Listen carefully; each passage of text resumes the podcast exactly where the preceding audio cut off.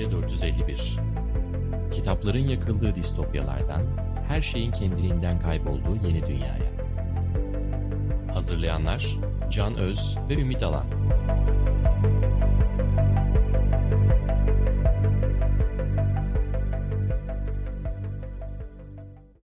Merhaba, Yeni Medya 451'in yeni bölümüne hoş geldiniz. Bu bölümde Spotify podcast'i nasıl öldürüyor diye konuşacağız. Bu tabii kulağa ilginç gelebilir ilk başta. Özellikle programı henüz yeni dinlemeye başladıysanız. Çünkü Spotify şu an göründüğü kadarıyla podcast'i en çok öne çıkaran, dünyada en çok insanın podcast dinlemesine vesile olan platform değil mi Ümit? Evet yani hepimiz orada tanıştık neredeyse. Evet. Halbuki e, podcast ismi bile Apple'a ait olmasına rağmen. Evet bunu insanlar bilmiyor. Apple Evet. çünkü iPod'dan yola çıkarak değil mi? Ee, Podcast. e, podcast'i üretti. Hatta 2000 2005 yılında 2005 Haziran'ında iPod'ların içerisine bir podcast eklentisi e, koyuyordu ve o, o yıl e, zaten e, aynı yıl New Oxford Amerikan Sözlüğü podcast'i yılın sözü seçmişti. Abi Apple Çok enteresan eski. bir kurum. Yani özellikle şey denir. Apple TV'de program yapmak aslında kimsenin görmesini istemediğiniz bir e, dizi çekmek istiyorsanız ve çok para kazanmak istiyorsanız Apple TV'de çalışabilirsiniz. Şey gibi bu. Google'ın ikinci sayfasına ceset saklayabilirsin ya. Evet. Sanıyorum Apple TV'ye de saklayabilirsin. Çünkü Apple'da dikkatini çekmeden iş yapmak istiyorsan. Evet ya hatta onların ilk yaptığı çekimlerden bir tanesi C adlı. Dünyada herkesin kör olduğu aslında hiçbir şey göremediği bir dünyaydı. Kimsenin Apple TV'yi de gördüğü yok. Dolayısıyla o diziyi de görmedi kimse. Şimdi konumuza gelirsek Spotify ile ilgili biraz üzerine konuşmak istediklerimiz var. Burada ben temel argümanın çıkış noktasını söyleyeyim. Spotify çok çok büyük bir müzik ve ses platformu. Müzikte de öyle, podcast'te de öyle. Ancak podcast'te Türkiye'de dinleyicilerin ciddi bir kısmının bilmediği bir şey var. O da şu. Türkiye'de podcast yayıncılarının hiçbirisi hiçbir programcı, hiç kimse Spotify'da yayınladıkları podcastler üzerinden asla bir kuruş gelir sağlayamıyorlar. Yani bunu YouTube'la karşılaştıracak olursak bunun sebepleri de var onlara da geleceğiz. YouTube'la karşılaştıracak olursak YouTube'a bir video yüklediğinizde aslında belli bir miktarın üzerinde izlenmeye başlandığında siz oradaki reklamlar üzerinden e, gelir elde edebiliyorsunuz.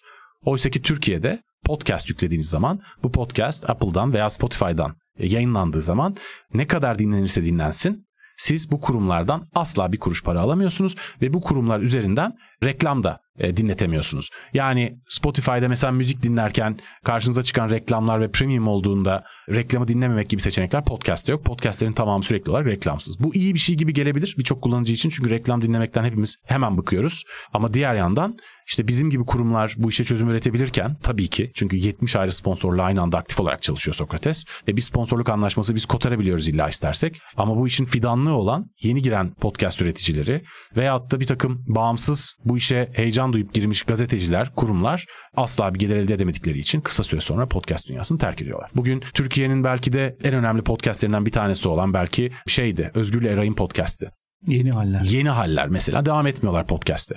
Veya buna bir başka örnek Meksika açmazıdır. Meksika açmazı dediğimiz podcast artık YouTube'a geçti. Bunun temel bir sebebi var. Çok da salladılar bu insanları ama temel bir sebebi var.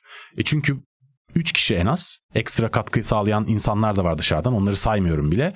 E, her birinin toplam haftada harcadıkları saatleri toplarsanız yani haftada 40 saat harcıyorlar bu işe. Asla bir kuruş gelir elde edemiyorlar. Şimdi bu tür sebeplerden dolayı aslında podcastçiler podcast'i terk etmeye başladılar Türkiye'de. Tabii şeyi de ekleyelim. Dünyada podcast'te e, sistem YouTube'dan çok farklı çalışıyor. Birazdan onu açıklayacağız. Aslında bunun böyle olmasının hafifletici sebepleri var. Ve bunu çözmek için Spotify'ın üretmeye çabaladığı bir takım formüller de var. Ama bunun önüne tabii ki en son 2023 e, 3. çeyrekte Spotify CFO'su Brian Fogel'ın e, açıkladığı çeyreklik raporda aslında içeride bunun tam tersine de bir taraftan yüründüğünü de e, görüyoruz. Evet e, bu Türkiye'de bunun bilinmemesiyle ilgili bir başka veri de yani Türkiye'nin en çok dinlenen podcastlerinden biri Nilay Örnek Spotify'dan bu iş için para almadığını açıkladığında büyük bir şaşkınlık olmuştu kamuoyunda. Evet. Yani herkes sanki onu Spotify finanse ediyormuş gibi düşünüyormuş. Halbuki Storytel belirli bir yapım bütçesi verdiği için yürüyebilen ama o büyük başarısına rağmen e, onunla orantılı bir gelir elde edemeyen bir program. Ve Nilay da zaten ancak Cem Yılmaz bölümünü YouTube'a koyduğunda oradan e, belirli bir miktar para kazandığını söylemişti. Spotify böyle e, üreticileri şu an ortalığa bırakmış durumda ve üreticiler de yavaş yavaş pes ediyorlar bu işten. Pes ediyorlar veya daha az çalışıyorlar. Yani bu birinin podcast yapması için herkesin bir engelse ihtiyacı var. Tek başına yapamıyor birçok insan bunu. Yapsa bile Evet. bir süre sonra enerjisini ve heyecanını kaybetmeye başlıyor.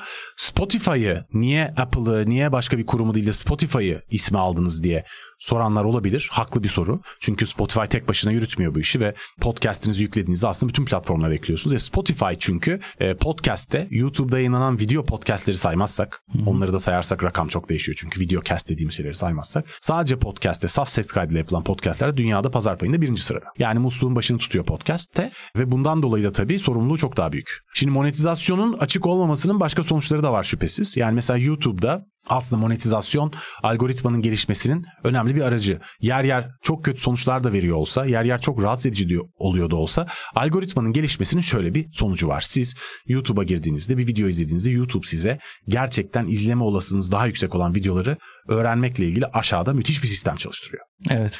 Ve siz YouTube'da aslında hiç bilmediğiniz, hiç duymadığınız insanların videolarına geçiş yapıp normalde size ulaşamayacak bir takım içeriklere ulaşabiliyorsunuz. Bu da neyi sağlıyor?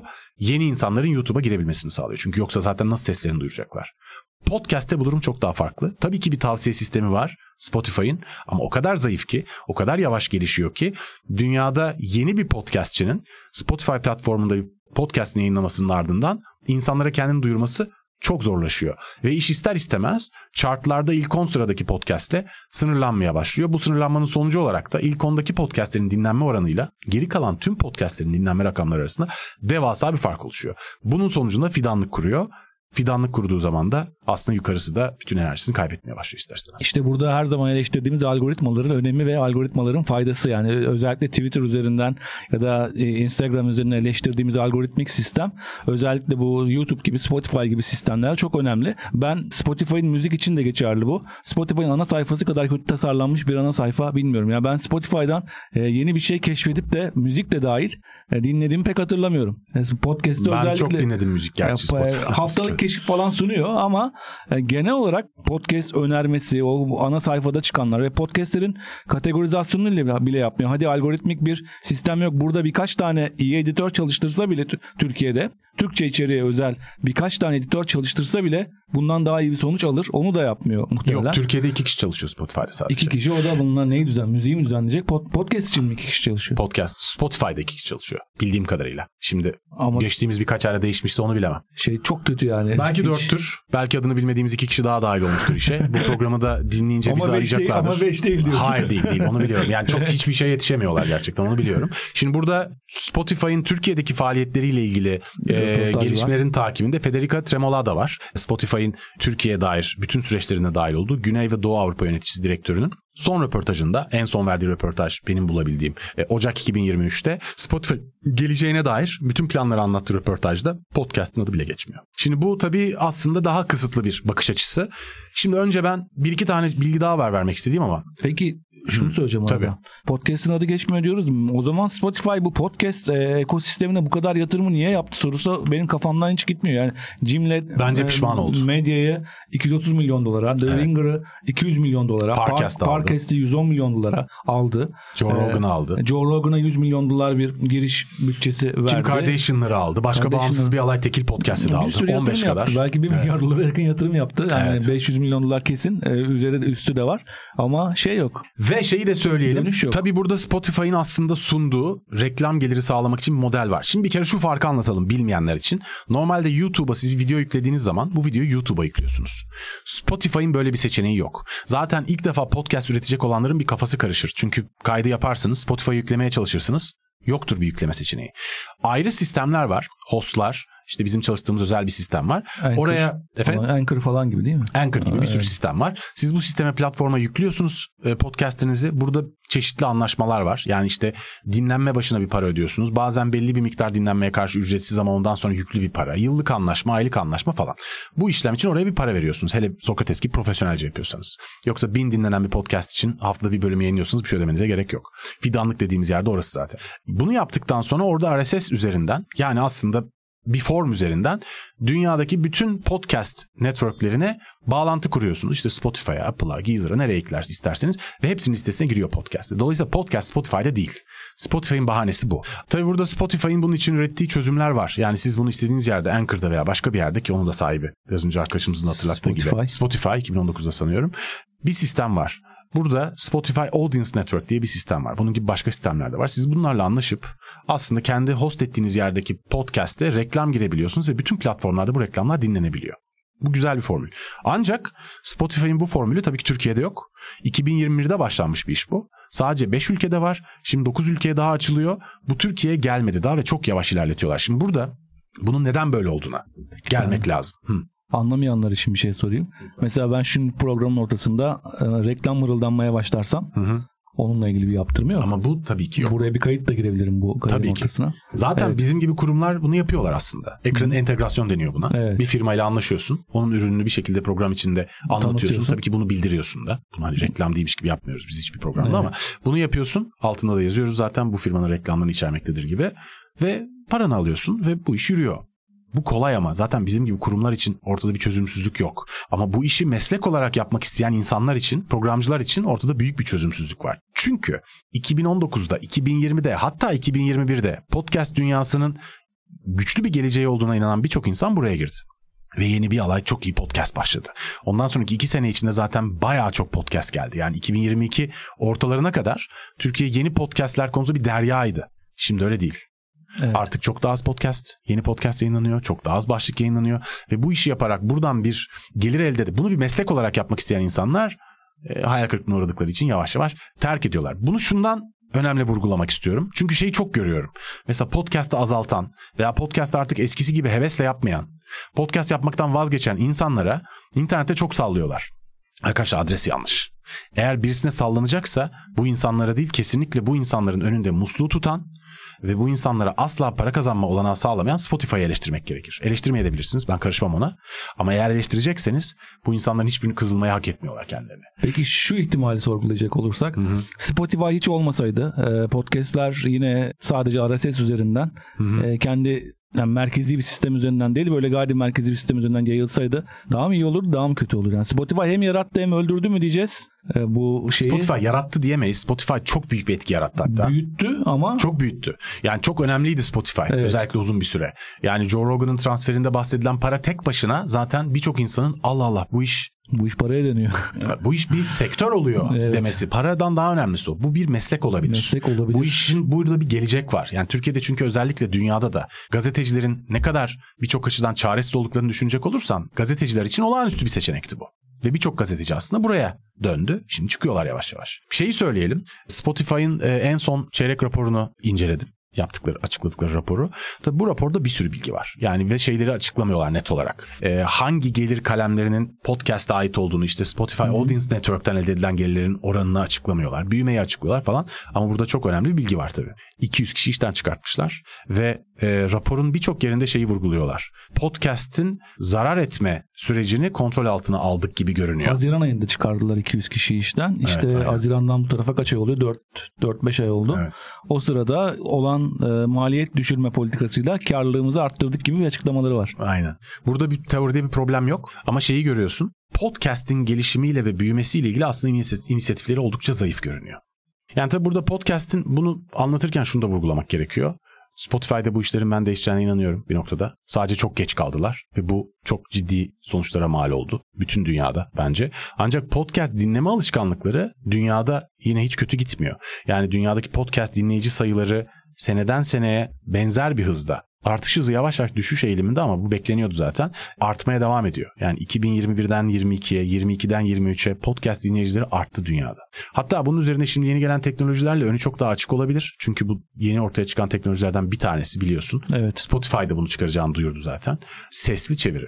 Yani bizim yaptığımız podcast aslında bir süre sonra bu sistemler geliştikten sonra Türkiye üvey evlat muamelesi daha ne kadar yapılacak onu bilmiyorum ama eğer Türkçeden İngilizceye, Almanca'ya sesli çeviri de yerleştirilirse bir gün o zaman bu podcast'i biz bütün dünyada, bütün dillerde dinletebilir olacağız. Evet o sesli çevirinin de güzelliği şurada. Öyle mekanik bir ses de değil. Hayır. Benim şu anki ses tonumla yani ben konuşuyormuşum gibi ama İngilizce konuşacak ya da aksanla. Fransızca konuşacak hangi şeyle aksan ve dilde konuşacaksa. Ben kendimi Hint öyle aksanıyla yapmak öyle de bir güzelliği var. Yani ben de kendimi evet bir Fransızca konuşurken duymak isterim. Hiç Fransızca istersin. öğrenmek hep içimde kalmıştır. Evet. Fransızca ya da İtalyanca fena olmaz. E tabi bunun başka etkileri de oldu. Podcast gelirlerinin asla seçenek olmamasından kaynaklanarak böyle bir şey oldu Türkiye'de. Bu Musiki Sanat Eserleri Meslek Derneği'nin e, yönetiminden sevgili bir Namoğlu Gripping grubundan. E, onunla konuştum bugün. Siz neler yaşıyorsunuz ve ne gibi tecrübeleriniz var diye. Mesela şunu yaşamışlar uzun süre. İnsanlar şarkıları podcast olarak yüklüyormuş. Evet çok oluyor. Ben denk geliyorum. Hele özellikle bulunmayan kayıtlar. Ve podcast olarak yüklendiğinde tabii ki eser sahiplerine bir telif dağıtılması ile ilgili Spotify hiçbir şey yapamıyor. Dolayısıyla bunların hepsinin tek tek bulunup eser sahipleri tarafından oradan kaldırtılması gerekiyor. Ve onlar eğer kaldırtmak için bir hamlede bulunmazlarsa Spotify bu konuda bir şey de yapmıyor. Dolayısıyla aslında Spotify üzerinden korsan müzik dinlenmiş oluyor. Yani Bunu- şunu yapsa Bunu mesela. yapay zekayla da mı tespit edemiyor acaba? YouTube hemen e, telifsiz şarkıyı çat diye çıkartıp İşte- telif atıyor. İşte zaten neden Spotify'a biraz bozuk çaldığımızı zaten burada Evet. biliyoruz. Çünkü aslında birazcık boş bırakılmış bir alan bu. YouTube'da hakikaten telifli bir şey yükleyecek olursan YouTube otomatik olarak telif sahibi hiçbir şey yapmadan onu işaretler. Bazen telif sahibine uyarı olarak gönderir. Bazen de telif sahibi zaten önceden eğer hiçbir şekilde yayınlanmasına izin vermiyorum diye işaretlemişse zaten otomatik olarak kaldırır ve cezalandırır zaten. Evet. E, Spotify'da böyle bir formül yok. Yani ben oturup canımın istediği bütün müzisyenlerin e, şarkılarını bugün Sokrates Podcast'tan takır takır yayınlayabilirim. Araya istediğim gibi reklam sıkıştırabilirim. Yani sponsorlarla anlaşıp Spotify'da eğer birisi itiraz etmezse hiçbir şey yapmaz. Şimdi şeye gelelim. Senin başta sorduğun güzel bir soru vardı. Spotify bu işi büyütüyor gibi görünüyor. Ama bugün çeyrek raporlarına baktığında, yaptığı hamlelere veya hamlesizliklere baktığında tersine dönmüş gibi görünüyor. Evet. İstiyorsan bir ondan başlayalım. Yani mesela burada önemli örneklerden bir tanesi Joe Rogan'ın transferi. Evet. Joe Çok Rogan. büyük bir olaydı. Özellikle hem transfer bedeli hem onun artık e, YouTube bütün yani münhasıran bütün şeyiyle geçmişti. All Exclusive buraya taşımıştı yani. Hı hı. Podcastlerini olduğu gibi Spotify'a taşımıştı. Diğer mecralardan çağırarak. Ama bu hamlenin sonucunda ne yazık ki Joe Rogan'ın dinleyicilerinin ancak çok küçük bir kemik kitlesi geldi. Asıl çekmek istedikleri. %10'u bile Evet, değilmiş. çok daha düşük. %10'un altında bir oranı geldi. Onlar da artık iyice şeyleri e, hayran, e, en hayran kitlesi. Ama asıl büyük pasta yine YouTube'da kaldı. Ve onların da hemen başka birilerini buldukları söylendi. E, hemen yani dinle, dinle- dinlemekten vazgeçmediklerini o konularda içerik ama o içeriği başkalarından dinledikleri. Burada şunu görüyoruz. Acaba Joe Rogan mı kitlesini taşımakta zayıf kaldı yoksa Spotify mı YouTube'un kitlesini çekemiyor? YouTube YouTube'la Spotify'ın dinleyicileri ayrı mı? Böyle bir soru çıkıyor karşımıza. Burada tabii temelde şöyle bir problem var. Farkındaysan pandemi sonrası yükselen bir alay firma pandemiden kısa süre sonra ciddi daralmalar yaşadılar. Yani Evet. bu anlattığımız şeyler aslında sadece Spotify ile ilgili değil. Yani işte Google'da, Facebook'ta, birçok firmada, işte Twitter'da biliyoruz ki çok da Evet. agresif bir şekilde zarar ederken işte Elon Musk'a gitmişti aynı sebeplerle. Ya bu firmalar pandemiden kısa süre sonra ciddi zararlar etmeye başladılar ve politikalarını değiştirmeye çalıştılar. Değiştirmek zorunda kaldılar. Burada temel problem e, politikayı değiştirmek veyahut da kendi aktif podcast yapmak konusunda hızını kesmek veyahut da işte belki kadrosunu daraltmak bunların herhangi birisine itiraz etmek kolay değil. Çünkü kimse gidip şey diyemez bu adamlara. Yani iyi de zarar edin bize ne diyemez. E, etmemek koşullu bir yönetim kurulları var. Tabii ki zarar etmemek için çalışmak zorunda oradaki herkes. Ama monetizasyon seçeneğinin hiç olmaması bu korkunç bir şey. Çünkü bu ülkelerin podcast ağının büyük bir kısmını domine ediyor Spotify. Ve müzik üzerinden de zaten pazar payını hızla genişletmeye devam ediyor. E podcastçiler burada podcastlerini yayınlıyorlar. Başka bir seçenekleri yok gibi görünüyor ve iş patlıyor. Geçenlerde şeyle YouTube'un e, EMEA direktörü Pedro ile bir toplantım vardı. Bizden ne istersiniz diye sordu ve yani şu podcast işini aslında alabilseniz Spotify'dan ne güzel olur dedim. Çünkü YouTube'da olsa podcast ki YouTube'un podcast alanı var zaten. Yeterince büyük bir pazar payı yok sadece. Videocastleri YouTube kastetmiyorum. müzik üzerinden? Evet YouTube müzik YouTube üzerinden. müzik- E, aynı şekilde çalışan bir kendi geliştirdikleri ve çok yatırım yaptıkları bir podcast sistemleri var. Orada monetizasyonun çok daha yaygın olarak olacağını ve dolayısıyla oraya giren ilk defa podcast kaydeden bir bireyin de bir süre sonra rahatça para kazanabileceği ve bunu meslek haline getirebileceği bir dünya yaratacaklarını biliyoruz. Spotify böyle geriden gelmeye devam ederek bu işte daha birkaç ülkede daha açtık diyerek dünyada yüz, yüzden fazla ülkede e, podcast ağının tamamına hakimken bu iş nasıl böyle devam edecek? Bilmiyorum. Çünkü bugün çok acı ile izliyorum bunu. Türkiye'de podcast dünyası gerçekten kurumakla meşgul. Burada şaşırtıcı olan şu işte programın girişinde de söylediğimiz gibi aslında podcast alanını e, dünyada var eden Apple podcast ismini de ilk defa cihazlarında Hı-hı. kullanan ve bu alanı e, daha önceden de vardı internet radyoları ama Apple bunu artık bir araç kitle haline getirmişti. Spotify çok agresif bir atakla Apple'dan podcast'i çaldı diyebiliriz. Yani podcast sektörünün hakimiyetini çaldı denilebilir. Ama neyi amaçladıklarını çok anlayamıyorum. Şimdi e, radyo tarihinin başlarına baktığımızda radyo programlarının sponsorları yani radyoda içerik yok ilk başladığında. Hı hı. Radyoda içeriği yaratanlar işte radyo markaları. O dönemin büyük radyo markaları hı hı. işte Philips'i şusu busu e, radyo e, cihazlarının markalarını.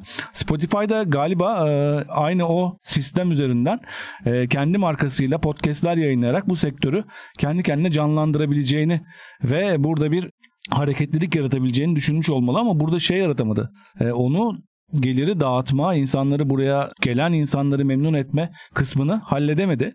E, radyo tarihinden yine devam edersek orada nasıl devam etmişti olay? Önce radyo cihazlarının sponsorluğunda programlar yapılıyordu. Daha sonra program sponsorluğuyla içerikler üretilmeye başladı. Yani bu bizim e, şu an bildiğimiz kuşak reklamcılığı sonraki aşamadır. Ondan önceki aşamada bir programın tek bir sponsoru olurdu. Yani bilmem ne bisküvileri bilmem ne programını hazırlardı. Hı hı. O programın başında sonunda e, anonsunu yapardı.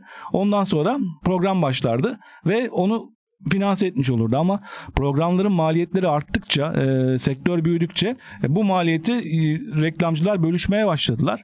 Bu bölüşümde e, kuşak reklamcılığı dediğimiz o kısa kısa 30 saniyelik 40 saniyelik e, 10-15 saniyelik reklamların başlangıcıyla geldi.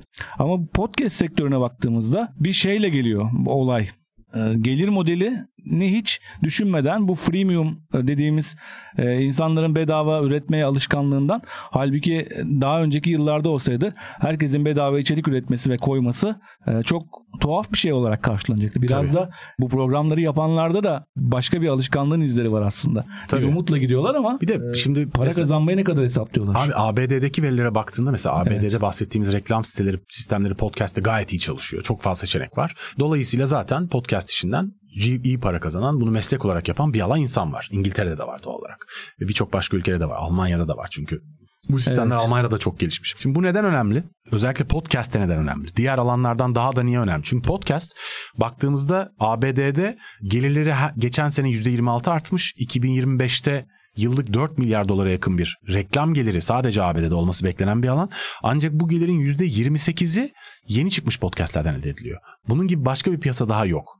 Podcast dünyada nişin yeni ortaya çıkanın, büyük rekabete girmekten çekinenin, tek başına iş yapanın aslında en rahat kendini kabul ettirebildiği ve para kazanabildiği alan dünyadaki. Evet. Dolayısıyla bunun adresi aslında. Yani podcast'in hedefi chartlarda ilk 10 sıradaki firmalar değil podcast'in önemi onun dışında kalanların da işte şeylerde görürsünüz artık. Çok dizide görüyorsunuz. Dizide karşılıklı konuşurken birisi ya benim de bir podcast'im var ya falan diye muhabbetleri çok görüyoruz. Çünkü çok yaygın zaten. Evinde odasında bireysel olarak podcast yapmaya başlayan bir alan insan tek başına çok büyümeden gayet güzel para kazanmaya başlayabiliyor. O yüzden podcast aslında zaten Türkiye gibi ülkelerde, diğer ülkelerde niş alanlarda olanların ki Türkiye'de çok niş var. Çünkü çok itilmiş ve dışarıda kalmış evet. ve sistem dışında kalmış. Hem ekonomiden hem siyasi sebeplerle. Çok insan var. E onların birinci alanı aslında podcast. Çok Ve siz bu alanın tamamını domine edip hiçbir şey yapmıyorsunuz. Yani bu olacak şey değil. Bu kendileri için de zarar değil mi? Yani Spotify şimdi o diğer e, firmalar reklamları dağıtırken onun üzerinden de bir para e, kazanmıyor.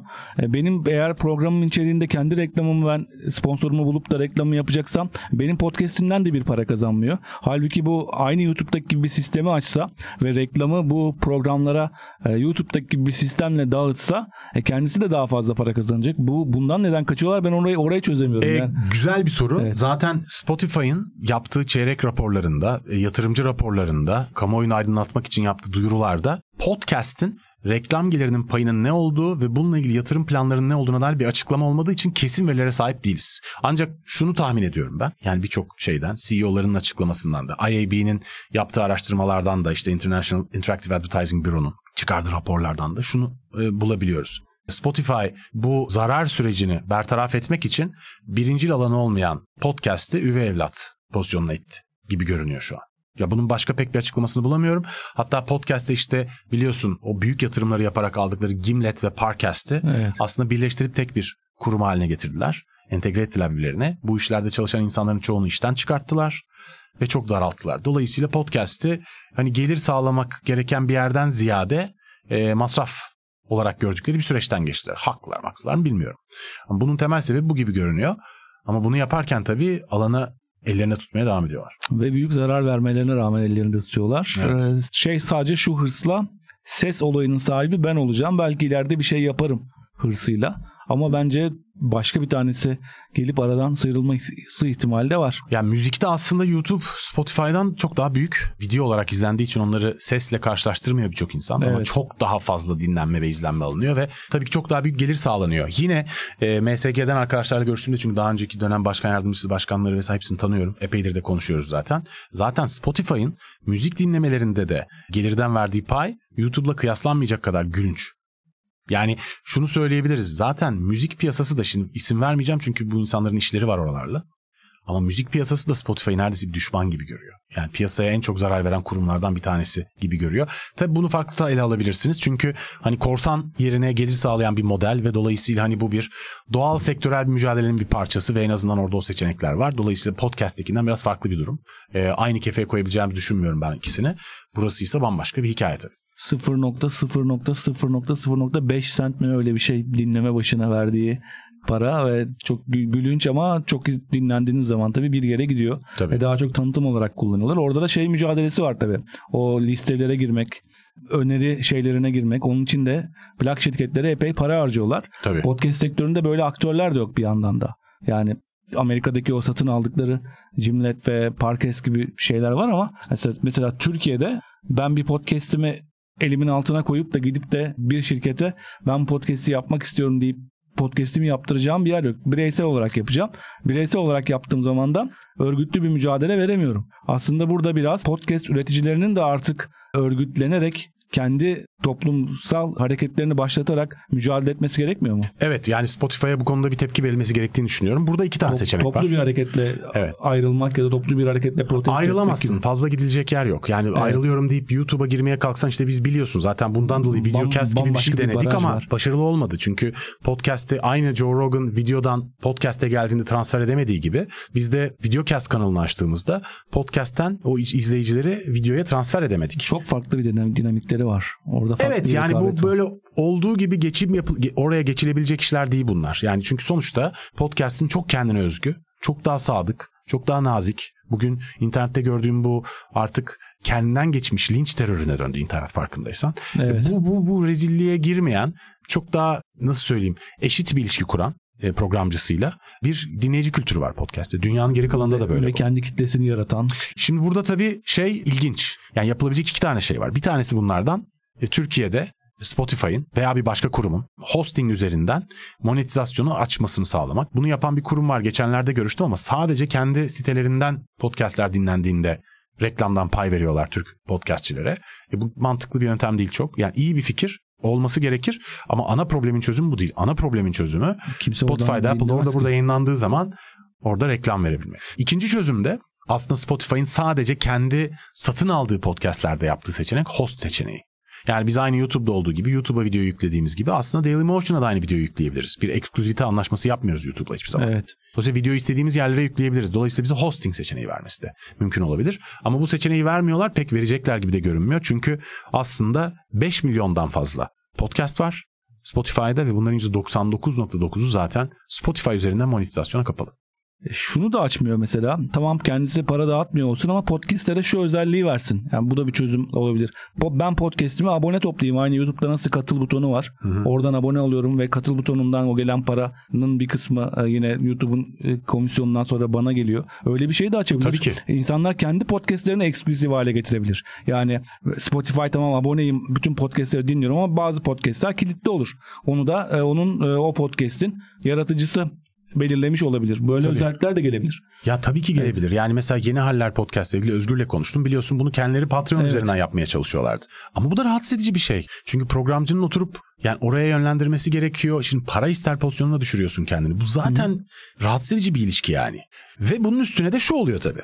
Yani bu podcastçilerin gelir sağlayamadıklarını bildikleri için senle geçen gitmiştik işte Bubbleworks'ün Evet. podcast açılımı. Orada bir alay podcastçi, bir alay yayıncı çıktılar, konuşma yaptılar ve anlattıklarının özeti şuydu.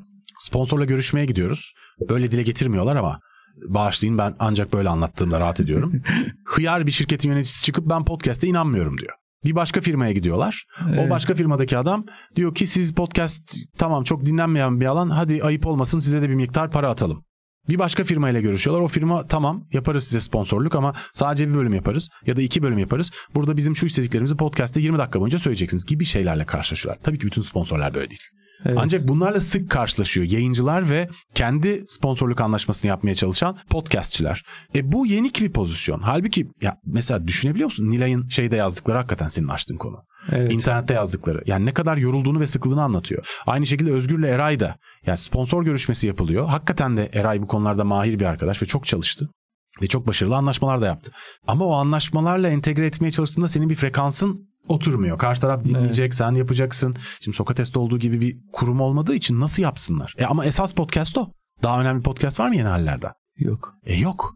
Yani en iyi podcastlerden bir tanesiydi. Meksika açması en iyi podcastlerden bir tanesiydi. Gitti. Çünkü uğraşmak istemiyorlar. Çünkü ben sponsorlarla görüştüklerinde, anlaştıklarında bile yaşadıkları kepazelikleri biliyorum. Niye işini bu kadar iyi yapan, Türkiye'de bir medyada en önemli medya alanlarından bir tanesi ses medyasında, Türkiye'nin en başarılı 3-5 kişisinden biri olan insanlar işlerini yapmak dışında bir saçmalıklarla uğraşmak zorunda kalıyorlar. Evet. Niye bu yenilgiyi kabullenmek zorunda bu insanlar? Yani gurur kırıcı bir şey bu. incitici bir şey bu. Bütün bu insanlar için. Şimdi bu tabii şey gibi anlaşılabilir. İşte yayıncı, iş yeri sahibi tabii ki oradan kendi payı için reklam ve sponsorluk işini gündemine getiriyor. Hayır bunun için getirmiyorum. Şunun için getiriyorum. Beraber çalıştığım podcastçilerde de çevremdeki podcastçilerde şunu görüyorum. Ya gözlerindeki enerji sönmeye başladı. Evet. Heyecan azalmaya başladı. Şimdi böyle olduğu zaman bu işin geleceği çok daha tatsız demektir bu. Çünkü çok heyecan verici bir alan. Bu arada bugün akşam şimdi bu podcast dinleyenlerden bir kısmı biliyorlar ve dinliyorlardır. Sevgili Mahir Ünsal Eriş ve e, Töre Sivrioğlu'yla tekrar geri dönüyoruz podcast'in geri dönmesiyle ilgili son görüşmeyi yapacağız. geri dönüyoruz. Geri, Geri dönüyoruz podcast geri, döndürmek. dönecek yani çok yakında. O da çok sevindirici bir olay ama onlar da aynı şeyden muzdaripler. Yani sonuçta herkes aynı şeyden muzdarip. Podcast işinin enerjisini, heyecanını kesen Bu biraz şeye benzer. Ben şimdi gazetede yazıyorum, dergide yazıyorum, haber sitesinde yazıyorum. Bunlardan yazıların karşılığında belirli bir telif alıyorum. Evet. Ve oradaki içeriğini de kendi özgürlüğüm içerisinde üretiyorum. Bu podcast üreticisi için bu şöyle oluyor.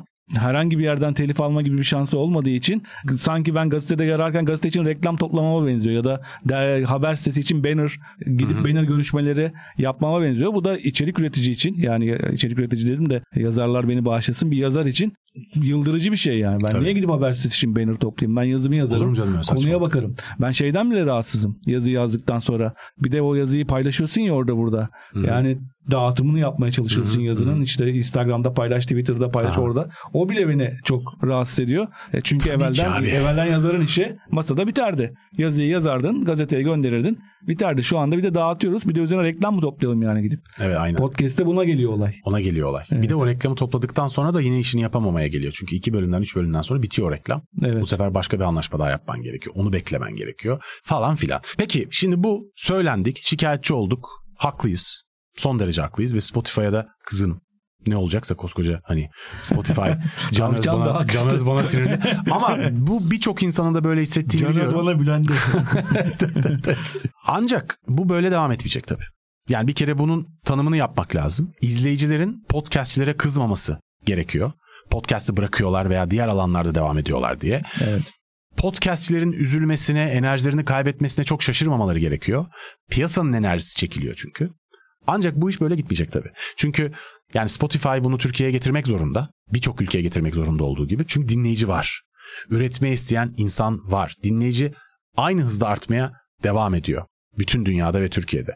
Dolayısıyla buradaki reklam payını tabii ki almak isteyen bir alay kurum var. Spotify alsın veya almasın. Burada özetle benim tahminim şu. Apple'ın zaten hiçbir şey yapacağı yok. Aynı Apple TV gibi sessiz sessiz o sıkıcı ara birimlerine devam edeceklerdir işlerine. Ama Spotify eğer e, Türkiye gibi diğer ülkelerde, ikincil ülkelerde podcast için bu sistemleri çok hızlı eğer kurmazsa YouTube gelip malı götürecektir. Yani Spotify'ın biz önümüzdeki bir buçuk iki sene içinde podcast'teki payını büyük oranda YouTube'a kaptırdığını görebiliriz gibi geliyor bana. Bana da öyle geliyor. Eğer bir değişiklik Çok yapmazsa ayrıca Spotify şu, şunda da eksik bence. Tamam bir şarkının altına e, yorum yapma ihtiyacı hissetmiyor olabiliriz ama podcast içerikleri daha interaktif içerikler olmak zorunda. Kesin. Her, her- hiçbir pod- ben podcast'i yapıyorum, yorumunu gidip Twitter'dan topluyorum. Podcast'i yapıyorum, yorumunu gidip Instagram'dan, Facebook'tan, başka bir yerlerden topluyorum ya da mail bekliyorum. Ama şeyde Spotify'ın arayüzünde bununla ilgili bir şey yok. Yani bunun Evet. e, SoundCloud'da var mesela burada yok. Evet bunun yorum kısmını aç. Bunun biraz önce söylediğim gibi benim genele kilitleme özelliği ver bana Spotify'a. Yani ben bir, ben podcast yapıyorum. E, bütün podcastler bedava. Ben abonelik koyacağım podcast'ime. Evet. Sen para vermiyorsan verme. Ben abonelik koyacağım. Ayda 5 lira 10 lira. E, her Substack neyse. gibi, e, Substack YouTube gibi yapacağım, Bir şey yapacağım. Onu aç hiç olmazsa. Onu da yapmıyor. E, belki üzerinden komisyon bile alacaksın onu açtığın zaman. Ben anlayamıyorum bu kadar ataletin ve kendine güvenin nedeni ne? E, bunu değiştirmeleri gerekiyor. Değiştirmezse hakikaten biri değişecek. Orada bir yaratıcı yıkım olacak gibi geliyor. Yani YouTube'la yaptığımız toplantıda Pedro'nun anlattığı da Evet. zaten yani hani gözleri parladı herifin de. Ya bir şey demedi. Yani Spotify'ı yok edeceğiz, tamamen alacağız falan demedi ama büyüme konusunda çok kararlar podcast alanında ve açığın farkındalar. Yani bunun bizim dışımızda birçok insandan da aynı şeyi dinlemişler zaten. Orada onlar için çok büyük bir fırsat var. E işte piyasa böyle bir şey. Çünkü Alırlar orayı sana. hem ses yükseliyor hem de insanların ekran yorgunluğu başlıyor. Ekran olmayan cihazlar üretilmeye çalışılıyor. İşte yeni projeler var. Evet. Ee, Apple'ın eski Jonathan Ive tasarımı e, ekranı olmayan bir cihaz sadece sesle etkileşime geçeceği bir cihaz üzerinde çalışılıyor. Çünkü dünyada ekran yorgunluğu artıyor ve ben birçok YouTube içeriğini zaten sadece ses olarak dinliyorum. Yani Sokrates'in birçok içeriğini, video olan içeriğini bir iş yaparken arkada açık ses olarak dinliyorum. Tabii. Ve burada inanılmaz bir pazar var ve değerlendirilebilir bir pazar Yok diye büyüyen düşünüyorum. bir pazar var zaten. Evet. Yeter ki insanların gelir sağlamasının önündeki bir engel haline gelmesin bu işi yapanlar. Evet. Ee, şimdi bunu tabii önümüzdeki bir sene belki iki sene sonra bu konuyu tekrar konuşmamız lazım. Tabii Bu iş ne oldu? Ee, YouTube'a mı geçti? Spotify aklını mı topladı? Ama bunun değişmesiyle beraber Türkiye'de podcast üretimindeki enerji eskisinden de daha iyi bir yere gelecektir diye düşünüyorum. Çünkü artık pratik var. Bu işi yapmış insanlar var. Nasıl yapacağını bilen insanlar var. Bunu biraz daha meslek gibi yapabileceğine insanlar ikna olsa artık diğer işlerinden vakit ayırıp hele bu ekonomide buraya çok daha fazla vakit ayıracaklarına eminim. Çünkü şey de bence insanların ağrına gidiyor. Programcıların şeyi biliyorlar çünkü. Aslında piyasanın o programlara o bütçeyi ayırmadığını dolayısıyla bir takım aracı kurumların bunu yaptığını zaten biliyorlar. Bu da gurur kırıcı bir şey abi. Ya Evet. sen şey istersin yani aranmak istersin, talep edilmek istersin. Ya mesela Nilay nasıl bunu hissetmez yani Nilay örnek. Bir numaraya Evet. ya şimdiye kadar podcast'te yaptığı işlerin dinlenmelerinin tamamı bıraktığı iz ulaştığı insanlar bir numara. Dedi ki ben bundan hiçbir şey kazanmıyorum size şey vermese. O da ağır değil mi ki yani Berk İmamoğlu müthiş bir adamdır. Çok naziktir. Asla herhangi bir rahatsızlık hissettirmez. Tanıdığım en zarif insanlardan bir tanesidir. Storytelling genel müdürü. Bence de. Değil mi? Hı hı. Yani dolayısıyla hani bu açıdan oradan hiçbir problem olduğunu zannetmiyorum ama pozisyon olarak ağrına gitmez mi insan? Gider. Yani o taraf bunu uygun görmese podcast'ini yapmaya devam edemeyecek. Nilay bile. Devam eder o. Ayrı. Şimdi bak gı- gıyabında bir şey söylemiş olmayayım. Ayıp olmasın. Yani Evet. sınırda gezen açıklamalar bunlar çünkü. Umarım sevgili Nilay da bu söylediklerinden dolayı bana bozulmaz. Ama bunun çarpıcılığını da anlatmak lazım. Evet, Yani bu- bağımsız şey. içerik üreticiler için yeni bir Türkiye'de bir sivil toplum örgütü kuruluyor. Hı hı. Mint diye. Nilay'ı ben en son, en son orada gördüm. Evet. Podcastçilerin de birleşmesi üzerine orada istişare etmiştik. Belki Türkiye'deki podcasterları da birleştiren bir organizasyon olabilir oradan. O zaman belki Spotify'ı rahatsız ederiz. Benim gerçekten vaktim olsa yapardım o işi biliyor musun? Sadece bu işi kovalardım yani. İki yıl sonra belki başka bir yerde yaparız bu e, Olabilir. güncelleme yayınını. Ben yapacağımızı düşünüyorum. Evet. Sevgili dinleyiciler bizim birazcık daha artık sektör içi e, yaptığımız bir bölümdü. E, bizi Evet. buraya kadar dinleyenler arasında profesyonel podcast yayıncıları ve üreticilerinin çoğunlukta olduğunu tahmin ediyorum ama siz de merak edip dinlediyseniz şimdiye kadarki sabrınız için teşekkür ederim. Ben bu sefer galiba biraz fazla aynı şeyleri söyledim. Bunun için Yok. Bağışlayın. Yok. Elimde çok da veri var. Ümit'in elinde de çok data var ama bu dataların hepsini burada anlatmaya Evet. çalışsak programı birazcık fazla kesintiye uğrarız, uğratırız diye düşündük. Ancak eğer merak ediyorsanız podcast'teki gelirler, büyüme oranları, Türkiye'deki payları nedir gibi veriler merak ediyorsanız bize yazabilirsiniz, size atabiliriz. Ayrıca Google'dan da arayabilirsiniz zaten. Evet. Teşekkür ederiz dinlediğiniz için. Teşekkür ederiz dinlediğiniz için. Bir dahaki bölümde görüşmek üzere. Hoşçakalın. Hoşçakalın.